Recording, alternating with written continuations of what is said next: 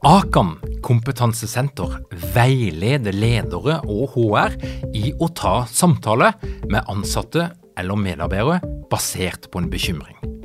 Akan setter ledere og medarbeidere i stand til å forebygge og håndtere en problematisk bruk av alkohol, narkotika, legemidler, spill eller doping blant ansatte.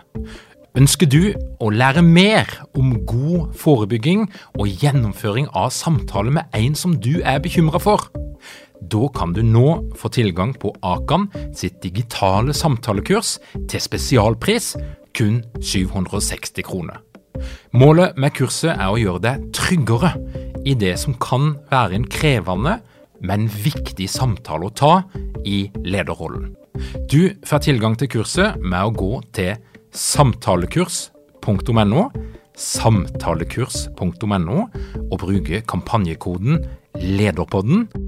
Tilbudet gjelder ut april. Mitt navn er Cecilie Ystøs Myhre, og jeg jobber som mentaltrener og lederutvikler. Og til høsten skal jeg ha en egen modul på lederprogrammet som omhandler selvledelse. På selvledelsesmodulen vil du lære deg mentale verktøy og teknikker som er forskningsbaserte, og som jeg har god erfaring med fungerer i praksis. Disse verktøyene skal jo sette deg i posisjon til å få ut potensialet ditt som leder, og da er vi allerede i gang med å også sette deg i posisjon til å få ut andres potensial. Så dette henger sammen. Så er du nysgjerrig eller interessert, så håper jeg å se deg til høsten. Eh, og mer informasjon det finner du på lederprogrammet.no. Håper vi ses!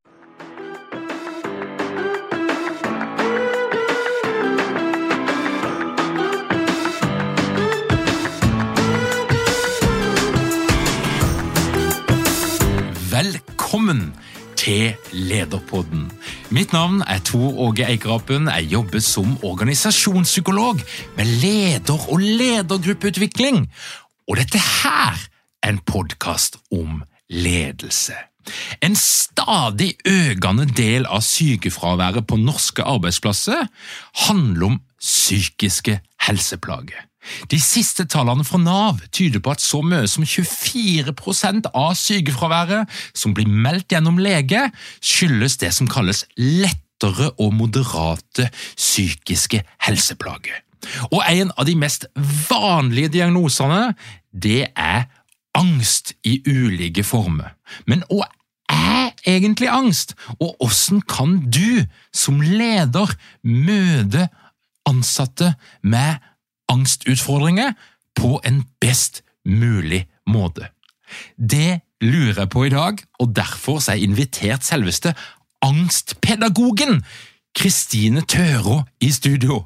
Velkommen til Lederpodden, Kristine. Takk skal du ha. Veldig hyggelig å være her. Kristine, du må fortelle litt om deg sjøl, og da starter jeg der som jeg alltid gjør. Og er det som er din faglige lidenskap, ditt prosjekt? Du jobber faktisk på heltid med å utdanne og informere folk om hva angst er og ikke er for noe. Fortell! Ja, det er jo nettopp det. Det å lære bort hva angst egentlig er. Både på en side ufarliggjøre angsten og det å snakke om angsten, men samtidig også snakke om at dette er alvorlig på samme tid, og det er jo fordi jeg selv har opplevd angst. For meg var det så ille at jeg klarte ikke å jobbe lenger. Klarte ikke å gå ut av huset engang. Alt var bare helt uh, forferdelig. Uh, og det var fire veldig lange år før jeg klarte å, å komme tilbake til liv igjen, da, eller til jobb og til å gjøre det jeg skal. Så det jeg brenner for, er jo nettopp å å dele de to sidene til alle som mm. Hvor vanlig det er, og hvor viktig det er å snakke om det. Og så har du bakgrunn som pedagog, du har utdannelsen innen musikkpedagogikk. Kan, du ikke fortelle litt hvordan, hvordan bruker du kombinasjonen av dine personlige erfaringer og utdannelsen og fagbakgrunnen din, hvordan smelter dette her sammen? Ja, eh, min hovedutdanning er en bachelor i spesialpedagogikk, som jo handler mye om mennesket, om tilpasning, hvordan vi lærer, forstår verden, utvikler oss. Og det jeg så når jeg selv fikk angst, og opplevde at jeg skjønte ingenting av det her, jeg skjønte ikke hva som skjedde. Jeg trodde angst var at du var litt spent, litt nervøs. Eh, og når jeg i tillegg fikk masse fysiske symptomer, så skjønte jeg i hvert fall ingenting. Eh, så det jeg jo skjønte, var at det jeg lærte og jobbet med som spesialpedagog, var helt essensielt egentlig for å forstå meg selv, fordi det handlet om barndom, om utvikling, om tilknytning og alle de tingene som vi er så opptatt av, men som jeg aldri hadde satt i sammenheng. Og når jeg skjønte det, så så jeg hvor viktig egentlig den pedagogutdannelsen er. Uh, og så har jeg også jobbet mye med musikk, som jo også handler mye om følelser og sansing og hele mennesket, egentlig. Og så driver du i dag Norges største nettsamfunn, der angst er, er tema. Der jeg, vil, jeg, vil, tenke at du driver med det som jeg, jeg kaller for psykoedukasjon. Ja. Altså du, du, du, du, gir folk informasjon, kunnskap og, og treningsmuligheter. Og så har du altså for tre uker siden lansert boka Ikke ta deg sammen. Ja. Jeg synes det er en veldig god boktittel. Kan du fortelle litt, Hva er misjonen bak den boka? Hva er det du ønsker å få til? Eh, det jeg ønsker å vite, er helheten i prosessen. For eh, det jeg jo ser, er at vi har stort sett ganske liten kunnskap om oss selv og egen angst. Så jeg hadde lyst til å lage en bok der jeg forklarer hele, hele angstprosessen, som jeg har delt opp i tre faser, fordi jeg ser at den hjelpen vi får, er ofte noe som ikke funker for alle, eller etter der du er. Så om du er i det jeg kaller akuttfasen, hvor du har veldig høy angst og alt er kaotisk, så er det jo ikke da vi kan begynne å pushe oss ut og eksponere oss og på en måte overta verden. Da trenger vi litt andre ting. Vi trenger trygghet, vi trenger å lære å roe ned nervesystemet før vi er klar for det i den gule bearbeidingsfasen hvor vi er klare for å jobbe med angsten. Så da å jobbe med traumer, med følelser, med tanker, eksponering. Eh, men så har vi også en tredje fase, vedlikeholdsfasen, hvor vi skal på en måte tilbake til hverdagen igjen. Etter kanskje veldig mange år hjemme, så er det ikke bare bare å starte på jobb igjen, eksempel, eller slutte å ha den angsttankegangen da, som vi veldig ofte får, for vi endrer oss så veldig når vi må hele tiden ta høyde for angsten. Så hva gjør vi da for å nesten avlære oss alt det angsten har liksom prakka på oss da, i mange år. Og så snakker du jo nå liksom om, om, når ting blir så ille at en, en, ikke blir i stand til å fungere. Og så er det jo mange som kjenner på angst i litt ulike former, altså der en faktisk fungerer godt i hverdagen, men det er allikevel plagsomt. Hvem er, det, hvem er det du retter deg mest mot? Eh, det er igjen egentlig begge parter. Eh, det jeg har jobbet mye med siden januar, er nettopp den andre gruppa, det jeg kaller for en høytfungerende angst, som er veldig ofte ledere eller folk som fungerer på jobb, som har høy utdanning, eller som, som mestrer livet, da, men som har den gnagende uroen, eller som eksempel synes det å være i møter er forferdelig, eller som syns visse deler er bra, eh, men så synes ikke det utenpå. Og derfor så er det vanskelig å snakke om det. Eh, det er også vanskelig å få hjelp, for du må gjerne være på en måte syk nok for å få hjelp. Mm. Eh, og det er vanskelig å innrømme at du har angst, for angst blir et så stort og alvorlig begrep. Da. Så det å skulle si at du har det når du ikke har måte, alvorlig angst, det er også kjempekrevende. Hvis du skal definere hva angst er for noe, eller hvordan det kan oppleves, og så vet vi at det kommer i ulike former, og folk trigges av litt ulike ting. og For noen så fyller det hele livet, og for andre så er det spesifikke situasjoner, spesifikke objekter. Men, men, men, men hvis du skal prøve å liksom fange en sånn definisjon på, på hva er det egentlig dette her er for noe? Jeg tenker at angst er jo en helt naturlig og viktig aktivering i nervesystemet. Så det er hjernen din som oppfatter en fare. Og det kan jo være, som du sier, alt mulig. Det kan være en, noe du hører, det kan være en situasjon, et sted, en lukt, en smak. Det kan være alt mulig rart, eh, hvor hjernen fanger opp en fare og aktiverer kroppen i, i fight, flight eller freeze. Um, som gjør at, vi, at kroppen ruster seg opp til kamp. Og det er jo der alle symptomene kommer inn, som de fleste med angst syns er helt forferdelige, naturlig nok. Alt fra hjertebank, svetting, forstyrrelser i synet, eh, vi, vi får skjelvinger, smerter Det kan være ganske fra litt sånn milde symptomer til så ille symptomer som at mange havner på legevakta, tenker at nå dør jeg, nå har jeg et hjerteinfarkt. Og liksom hele, hele spekteret er like normalt. Og hvorfor bør ledere være opptatt av angst, eller kanskje tilegne seg litt mer kunnskap om angst? Jeg tror det at for veldig mange så er jo arbeidsplassen det noe av det viktigste for oss. Og det er viktig for mestring, og det er viktig for så veldig mye. Men så opplever jeg jo, når jeg snakker med veldig mange mennesker med angst, så er det mange som opplever enten å ikke tørre å ta det opp, som gjør at de kanskje de sykemelder seg til tross for at kanskje hadde til og med hjulpet de å være i jobb, men de, de føler seg ikke trygge nok til å ta opp temaet, eller de har gjort det og opplevd å bli avfeid. Og så er det også veldig mange som da har veldig gode ledere som er opptatt av det, som igjen ser hvor viktig små endringer har vært. Og det kan være ting som å endre litt arbeidssituasjon. Kan jeg få et kontor istedenfor arbeids... Eller hva heter det, kontorlandskap, eksempel?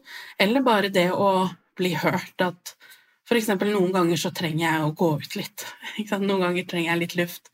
De små tingene, for det hjelper oss til å holde oss i situasjonen lenger, og til å fungere da, på en sånn måte som gjør at vi får en bedre livskvalitet.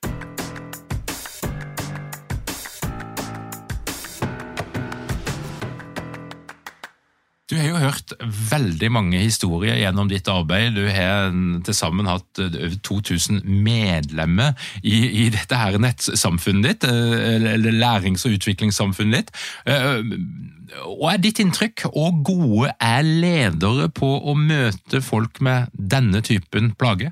Jeg tror det er um, i utgangspunktet mye misforståelser ute og går, er litt det, det jeg opplever. fordi på den ene siden så snakker jeg med veldig mange mennesker som, som har ledere, de er arbeidstakere, og er livredd for å snakke om temaet eh, og syns det er vanskelig. Men så har jeg også hatt foredrag for andre siden av bordet, hvor folk som har eh, vil lære hvordan kan jeg snakke med mennesker om angst, og det jeg opplever der, er jo heller at det er et tema de er veldig redd for, for de er redd for å si feil ting, redd for å, å tråkke i salaten og gjøre det verre.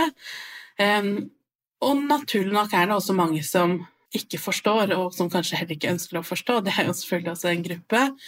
Men jeg tror i måte, det helt generelle opplever jeg at de fleste ledere ønsker, men synes det er vanskelig, samtidig som arbeidstakerne ikke helt klarer å bryte gjennom, eller tør ikke helt å, å, å starte samtalen, da, fordi de er, har erfaringer med at ikke alle forstår. Og Dette her er jo sånn vanskelig dilemma for, for uh, hvor mye skal du blande deg inn som leder? Men jeg tenker jo at det, hvis du som leder ser at uh, det er en ansatt som ikke har det bra, mm. så er det jo en, en, en, mye god omsorg i å følge det opp på en eller annen måte. Ja. Uh, og Da blir jeg sånn nysgjerrig på hva, hva er tegnene, da? Hvis vi nå skal tenke på akkurat denne type diagnose, hva, hva er det ledere kan se etter mm. hvis de lurer på om noe ikke er så bra som det kunne ha vært. Ja, ikke sant? Og det er, det, det er, jo så vanskelig, fordi hos noen så kan det være et tydelig tegn. Det kan være en endring av fungering.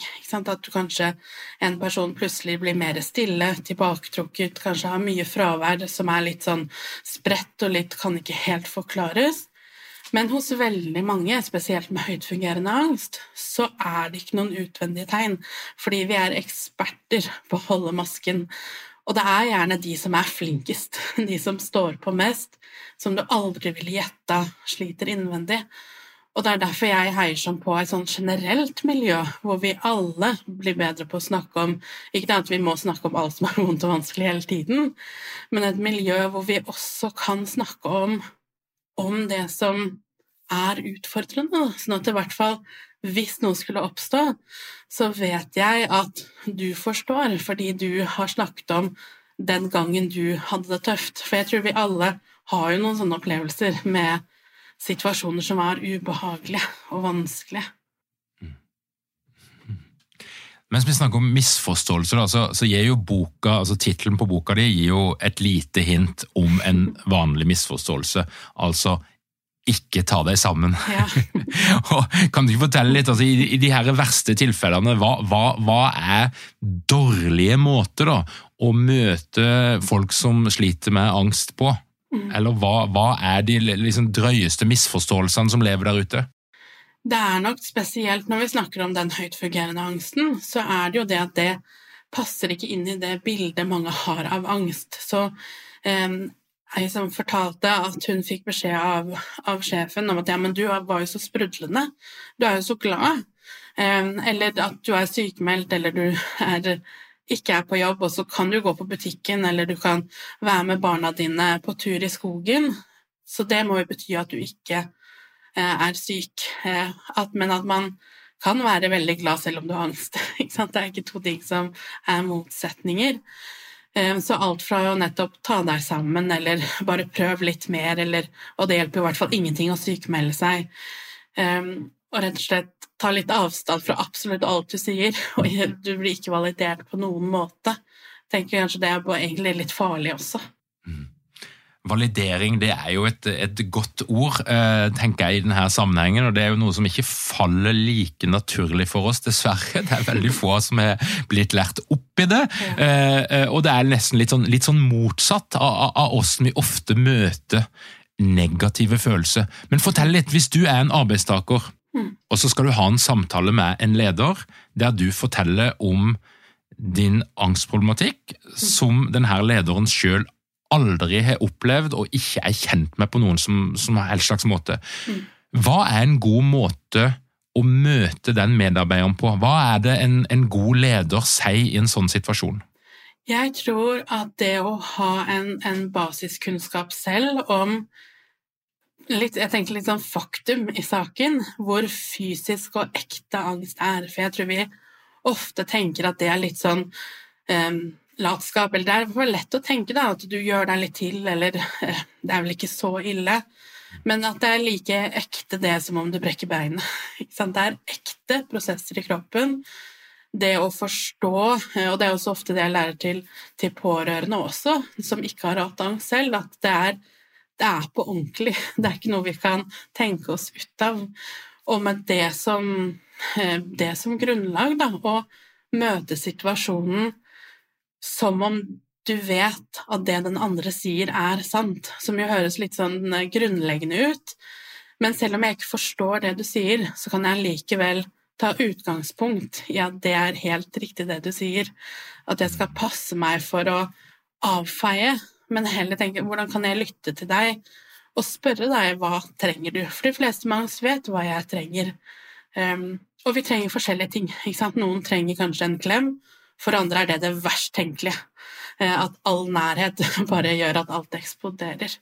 Eh, og trenger kanskje heller alenetid, ikke sant. Og spørre men hva er det du trenger, hva kan jeg gjøre?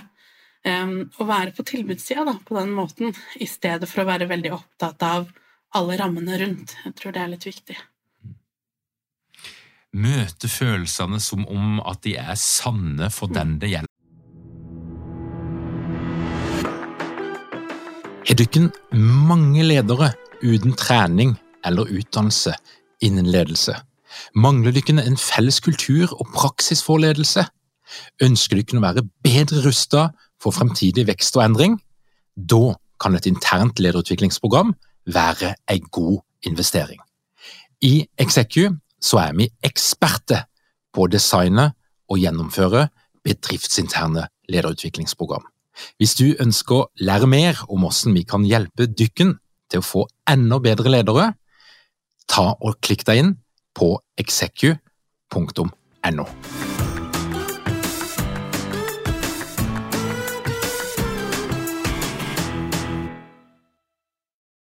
Ja.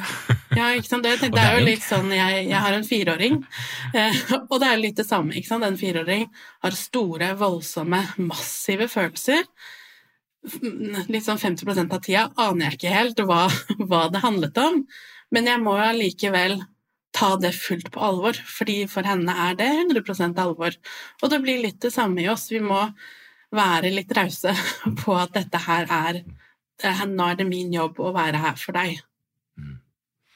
Er det, noen sånne spesielle sånn, um, ord eller setninger som en skal prøve å unngå, bortsett fra ikke ta deg sammen? Um, kanskje alt Eller ta deg sammen, unnskyld. ja. Alt som er litt sånn ja, kan du ikke bare? Eller det er vel bare Eller det er bare en time. Um, du skal bare være der så og så, så kort tid. Eller alle andre gjør det. Um, det er ingen andre her som klager.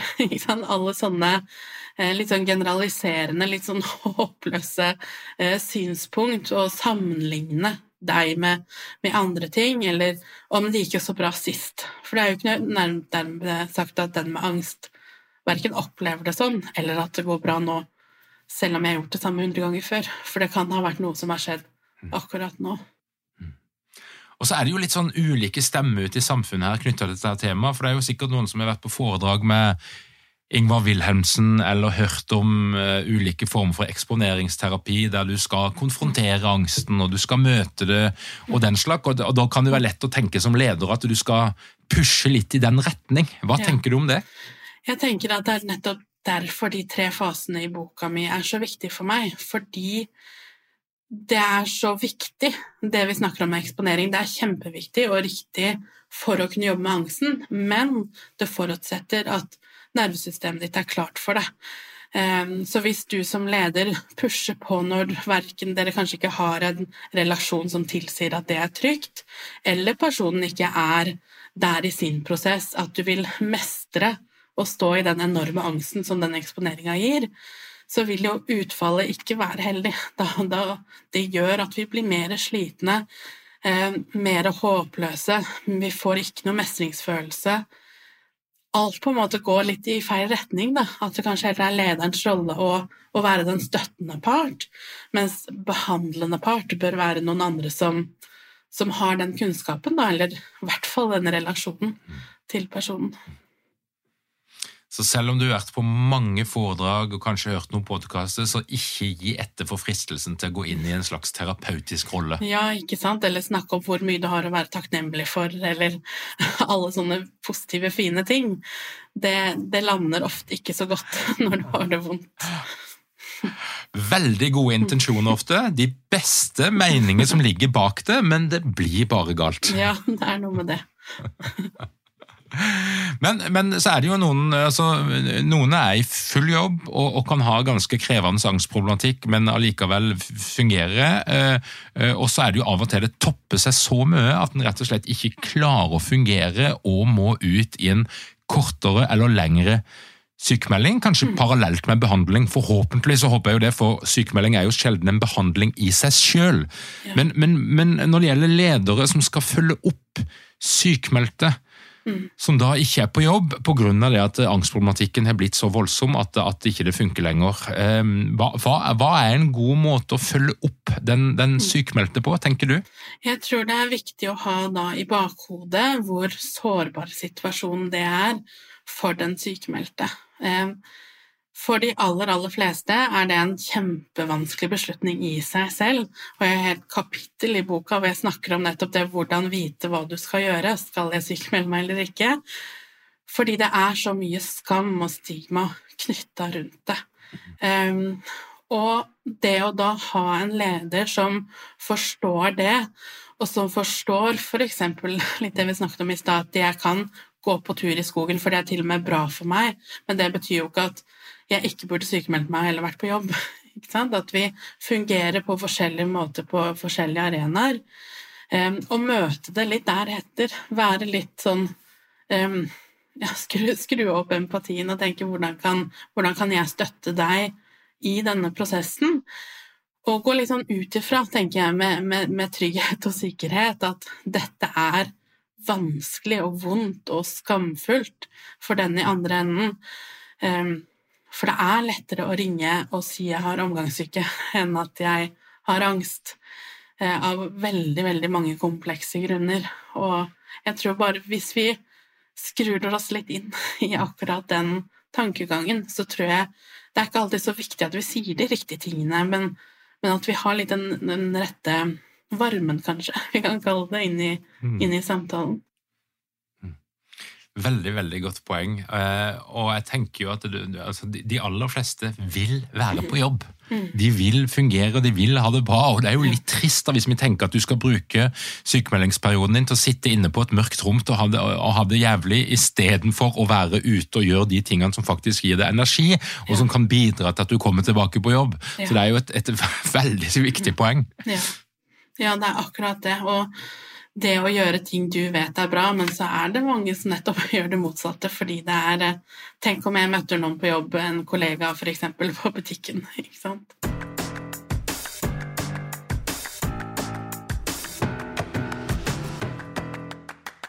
Veien ut av angsten, den, det, er nok like mange veier som det er, som det er veier inn i angsten, men, men, men eh, du har jo et prosjekt som er bidra til at en del folk får det litt lettere.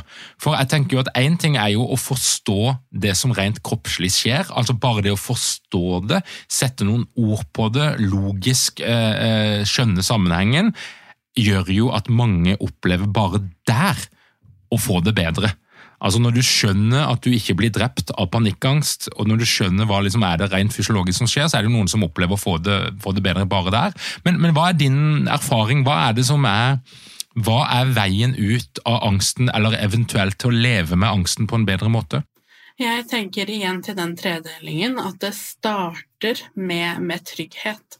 Det starter med å øve på å møte deg selv med trygghet der du er. Og noe som burde vært logisk for oss, men det har vi, vi aldri lært det her. De fleste av oss har ikke lært å føle følelser på en god måte. Heller å slutte å være sint eller ikke være så dramatisk. Det er kanskje den lærdommen vi har med oss, de fleste av oss. Så veien ut handler jo mye om å øve på å finne den tryggheten da. i oss selv i situasjonen, eller til andre rundt, som er det som denne boka litt, gjør den litt annerledes enn andre bøker som kanskje går rett på eksponering. Fordi vi først må liksom etablere at her er vi, Nå, hvordan kan vi være trygge?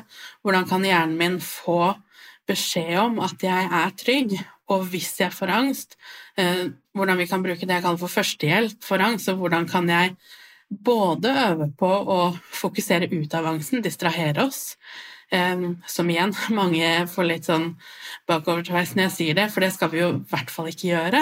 Men jeg tenker det er viktig å finne av-knappen, for det gjør at da kan jeg også være tryggere når jeg skal eksponere meg, for da vet jeg blir dette for sterkt, så vet jeg hva jeg skal gjøre for å få det vekk og roe ned. Um, og begynne der, og tillate seg å gå sakte nok frem. De færreste av oss har en behandler med oss som kan snakke oss gjennom angsten og støtte oss. Uh, så dette her må vi jo for det meste gjøre for oss selv, og derfor må vi gå sakte frem. Vi kan ikke drive noe sånn ah, hard eksponeringsterapi på egen hånd, for det tenker jeg der da høvler du over deg selv, som er kanskje også grunnen til at du har angst i utgangspunktet, fordi du har vært mm. for hard over for lang tid. Det er jo mange ledere de siste årene, altså spesielt etter covid og rundt covid, så har vi jo opplevd jeg vil kalle det for en åpenhetsrevolusjon mm. i Norge.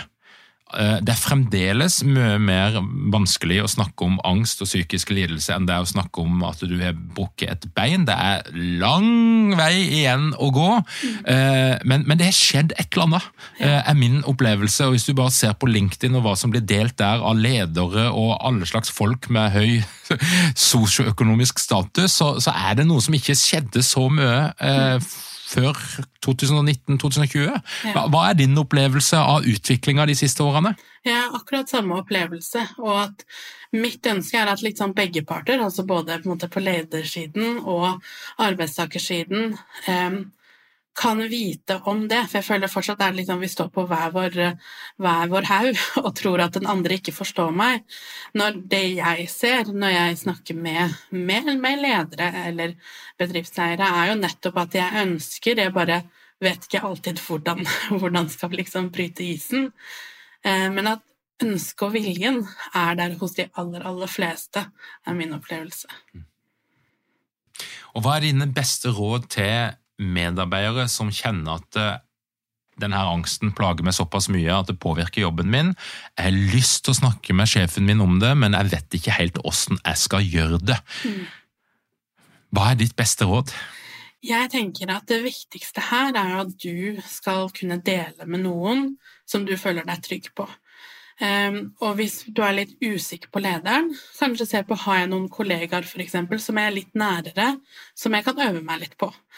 Og øve på å finne ut av hvordan er det mest komfortabelt for deg å sette ord på det.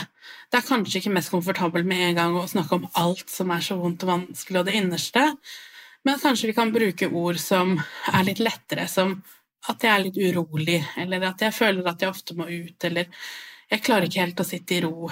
Finne noen ord som du føler det er komfortabelt å bruke. Eh, og gjerne be om et møte, vite at det er mulig å gjøre. Og så er det fint mulig, tenker jeg, å, å, teste det litt ut. Vi kan først starte med litt personlige temaer. Kjenner du at det ikke fungerte i det hele tatt, så er det kanskje ikke da vi skal ta opp resten. Kanskje det er viktigere å gå til legen først, eller finne noen andre arenaer i første omgang. Um, og så er det mulig å kombinere de etter hvert, og få med alle i, i samtale, litt sånn ettersom hvordan situasjonen er. Um, men i hvert fall prøve å finne noen som kan være en litt sånn trygg havn tenker jeg er kjempeviktig. Og de fleste blir veldig positivt overraska når de først gjør det, er min opplevelse. Mm. Det er godt å høre. Mm. Arbeidsmiljø er jo ulike, og det er jo noen arbeidsmiljø der det føles ganske utrygt å vise sårbarhet. Altså Der er det sarkasme, ironi, på bekostningshumor, og der du vet at hvis du viser sårbarhet, så vil det bli brukt mot deg på en måte som du ikke liker. Altså, det er ikke tilstrekkelig grad av det vi snakker om som psykologisk trygghet. Men, men hva er det som kjennetegner de arbeidsmiljøene som får dette her til, altså som, ska, som skaper arbeidsplasser der det er trygt å være sårbar? Hva er din erfaring? Jeg tror nok det ofte handler om liksom to, eller at begge parter, altså både på, på ledersiden og arbeidstakersiden har evne til å snakke om ting. At vi alle Det er ikke sånn at noen sitter på toppen og ser litt ned og, og det blir ubehagelig, men at vi, her er vi like, og vi alle har opplevd ting. Og spesielt har jeg opplevd i yrker hvor de har, f.eks. om det er i politiet, i barnevern, hvor det er saker som er vonde, vanskelige, så opplever jeg at de har en helt annen kultur for å også både debrife og snakke om det, som gjør at de både blir tettere, men de også får et arbeidsmiljø som gjør at det er veldig høy takhøyde, da, og de tar ikke med seg ting på samme måte. Så det å ha Finne hvordan kan vi bryte litt den isen og snakke om ting på, på en fin måte, kanskje private ting, eller liksom hva, hva, har vi gjort? Vi kan starte hva gjorde du i går? Starte litt der, og se litt hvordan kan vi finne en måte som gir mening, da, akkurat der du er. Um, og også viktig, tenker jeg, hvis man merker at det absolutt ikke er tilfellet. Hvis det er ledere som absolutt ikke evner å se deg, så er det selvfølgelig lettere sagt enn gjort, men også da er det kanskje ikke helt der vi skal være. Mm. At det er litt viktig å, å ta det på alvor også. Mm. For ledere som hører på dette her, og som har lyst til å lære litt mer og forstå litt mer, de, de kan jo selvfølgelig kjøpe boka di, den er nokså åpenbar, mm. men hva annet er det de kan foreta seg for å få kunnskap og innsikt? Jeg tror nok det å lære om angsten eh, Det å ta Jeg har f.eks. pårørendekurs. Man kan ta også foredrag for bedrifter eh, hvor vi snakker litt om de basistingene. Hva kan vi si, hva bør vi ikke si? Men det viktigste, tenker jeg, er å ha kunnskap om angst, fordi det gjelder ikke bare de som har en, en angstdiagnose, det gjelder oss alle. Om alle opplever en eller annen krise i livet, eh, noe som skjer. Så det å vite hvordan nervesystemet fungerer, det å vite ekteheten og vite eh, rett sånn teorien bak det, jeg tenker det er nyttig i alle settinger, uavhengig om du har noen akkurat noe med angst eller ikke.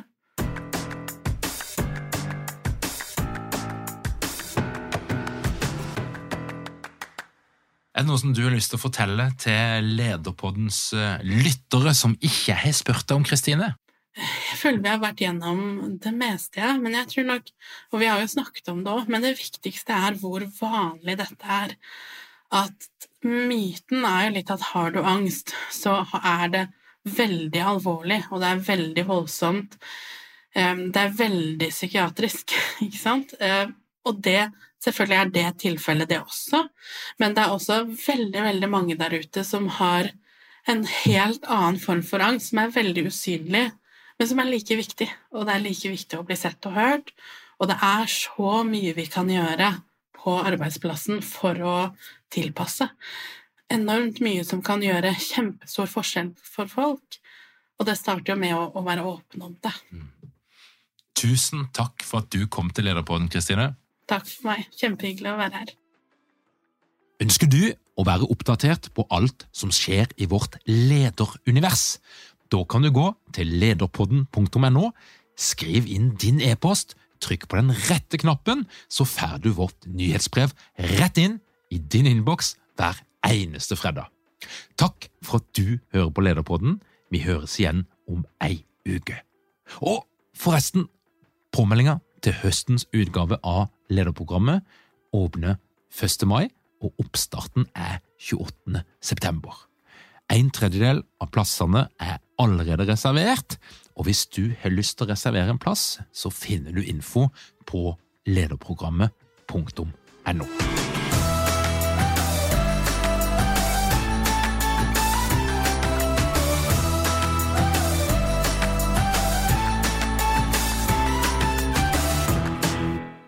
Lederpodden er gitt til deg av Execu.